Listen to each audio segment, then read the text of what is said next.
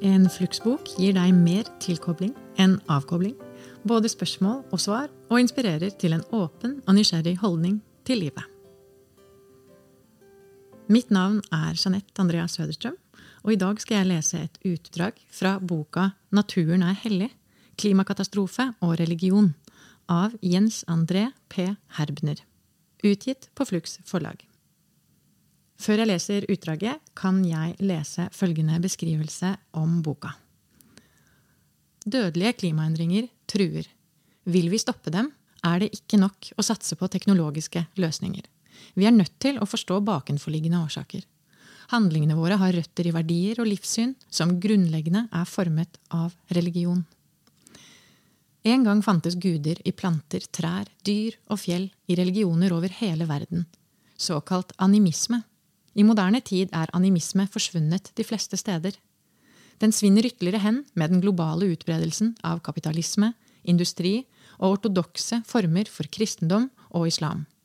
Naturen er ikke lenger hjemsted for levende subjekter som skal respekteres. Den er blitt et dødt objekt som vi ofrer til gudene penger, forbruk og vekst. Dermed er vi godt i gang med å sage over den grenen som vi alle sitter på. Kan utbredelse av grønn religion og spiritualitet verden over være med å forhindre den store klimakatastrofen? Det søker denne boken svar på. Når livsviktige endringer fra maktens tinder uteblir, blir opprør nedenfra en nødvendighet. Utdrag fra kapittel 8 Urfolk og naturvern. Den 9. august hvert år er FNs internasjonale dag for verdens urfolk. Dessverre er det mange gode grunner til å sette søkelys på disse folkene. I juni 2013 ble 437% mer av Amazonaskogen felt enn i juni 2012. Det skjedde etter innføringen av en ny lov i Brasil. Det var katastrofale nyheter for urfolkene. For dem har regnskogen essensiell betydning. Dette er dessverre langt fra noe nytt. Faktisk har den hvite manns gud sjeldent vært den innfødtes. Ikke bare har hvite koloniherrer og misjonærer stigmatisert urfolk som primitive, barbarer og avgudsdyrkere. Ikke bare har de bekjempet dem og deres kultur med alt fra krig til folkemord, tvangsfordrivelse, forbud, diskriminering og omvendelse til tvangsassimilasjon. Ikke bare blir mange urfolks eksistensgrunnlag i dag truet eller ødelagt av nybyggere og multinasjonale selskaper i deres jakt på olje, kull, metaller, edelsten og tømmer. Og ikke bare er urfolk, som følge av nevnte katastrofer, ofte tynget av omfattende alkoholisme, høye selvmordsrater, seksuelle overgrep og arbeidsløshet. For å gjøre vondt verre tilhører de også noen av de gruppene i verden som er mest sårbare for klimaendringer. Det skyldes at mange lever i utsatte regioner som Arktis, Afrika og Stillehavsøyene, og at deres kultur og levebrød er nært knyttet til disse regionene og deres naturlige økologi. Det er skjebnens ironi at de selv har det minste ansvaret for klimaendringene. Dessuten at de kun har minimale muligheter for selv å bremse dem. Det er også skjebnens ironi at Vesten etter noens oppfatning burde lære av urfolks kulturformer. Ja, at det kanskje kan være en av hovednøklene til løsningen av den globale klimakrisen. I det minste har innfødte tiltrukket seg betydelig oppmerksomhet i den moderne debatten om natur og miljø. Her er de blitt fremstilt som historiens første økologer og som forbilder i eldgammel økologisk visdom. Vi har sett det i hippiebevegelsens eksperimenter med alternative levemåter, i visse miljøbevegelsers jakt på økologisk hensiktsmessige samfunnsmodeller, i interessen for indianere som Chief Seattle ca. 1790 til 1866 og Black Elk fra 1863 til 1950, og talene de er blitt tillagt, i filmer som Danse med ulver og Avatar. Vi har også sett det i urfolks fremstillinger av seg selv i nåtiden. I 1998 utstedte f.eks. en rekke nordamerikanske urfolk den såkalte Albuquerque Declaration. Her poengterte de på grunn av vårt forhold til jord, vann og naturlige omgivelser, som har vært vårt livsgrunnlag i uminnelige tider, har vi den viten og de forestillinger som verden trenger i dag. Vi vet hvordan vi skal leve med denne jorda. Vi har gjort det i årtusener.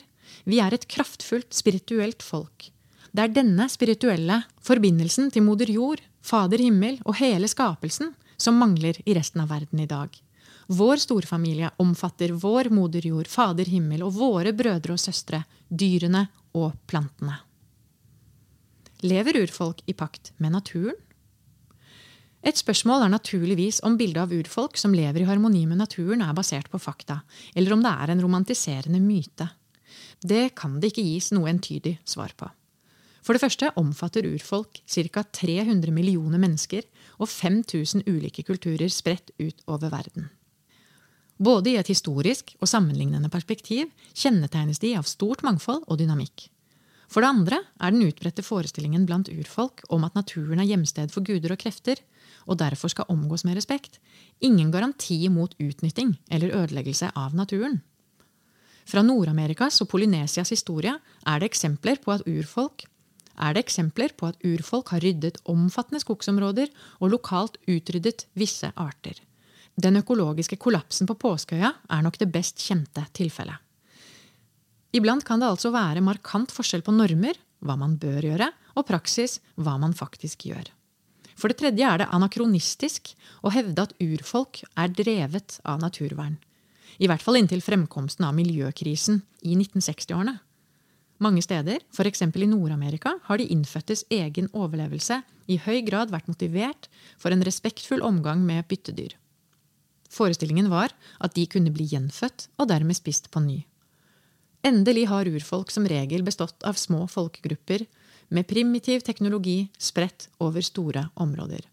Det i seg selv har umuliggjort en nevneverdig ødeleggelse av naturen. Endelig urfolk har bidratt til naturvern. Dermed er siste ord om urfolks forhold til naturen på ingen måte sagt. Man må nemlig ikke overse det åpenbare. At det ikke er urfolk, men Vesten og land som har overtatt samme industri, forbruksfetisjisme og vekstideologi, som har hovedansvaret for global forurensning og klimakrise, tapetsering av jorden med asfalt, betong og storbyer, totalutrydding av utallige arter og utrydding av millioner av hektar skog hvert år, et svimlende antall burgriser, burkyr og burhøns på moderne landbruksfabrikker osv. Faktisk har urfolks måte å overleve på som regel vært skånsomme ovenfor økosystemene de bebor. Det henger ikke bare sammen med de bærekraftige måtene de har drevet jakt, fiske, sanking, svibruk og jordbruk på, men også at de ikke har tilbedt de vestlige gudene penger, vekst og konsumerisme. I hvert fall ikke før Vesten begynte å lære dem det. For det andre er biodiversiteten som fins i urfolks områder, en sentral del av deres kunnskap. Og det er langt fra ubetydelig. Størstedelen av jordens samlede biodiversitet skjuler seg nemlig her. Ifølge geografen Bernhard Nitschmann er regelen at der det fins urfolk med et hjemland, er det stadig biologisk rike miljøer. For det tredje har mange urfolks religion mekanismer som er økologisk fordelaktige, selv om de ikke har naturvern i moderne forstand for øye. En utbredt tanke er at religion og natur er uatskillelig forbundet. F.eks. For slik at et fjell, dyr eller tre betraktes som hellig, ofte fordi det oppfattes som bolig for en guddom eller kraft. Det medfører gjerne krav om respekt samt forbud mot eller begrensning av handlinger som ellers er tillatt. Ta afrikanske urfolks religioner, som er gjennomsyret av respekt og frykt for ånder i, spesifikke naturfenomener og landskap. Her finnes utallige hellige skoger som kan være omgitt av ulike tabuer, som forbud mot å hogge trær, samle planter eller gå på jakt. I Ghana fins totemistiske forestillinger. Ifølge disse er det et nært slektskapsforhold mellom mennesker og visse dyr og trær. Det er derfor tabu å begå vold mot disse, som kan sidestilles med brødre og søstre. I Kongo og andre afrikanske land kan religionen kreve at skogsområder får regelmessige hviledager, f.eks. på bestemte ukedager hver uke året rundt. Her må det ikke drives jakt. Et avgjørende poeng er at innfødtes religioner på disse måtene, og mange mange flere eksempler kunne nevnes, har bidratt til naturvern. Vi er et verdenshistorisk unntak. Med utbredelsen av vestlig kolonialisme, industri og verdensoppfatning samt kristendom og islam endres dette i mange tilfeller på skjellsettende vis. Kort og grovt sagt nå er naturen ikke lenger hellig.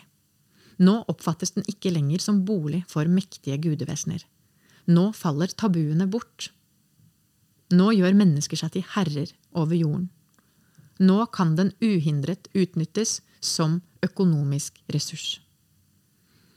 Noen av de urfolkene finnes som sagt enda, og har typisk utviklet alle slags religiøse blandingsformer. Det endrer imidlertid på ingen måte nettoresultatet av den globale utviklingen.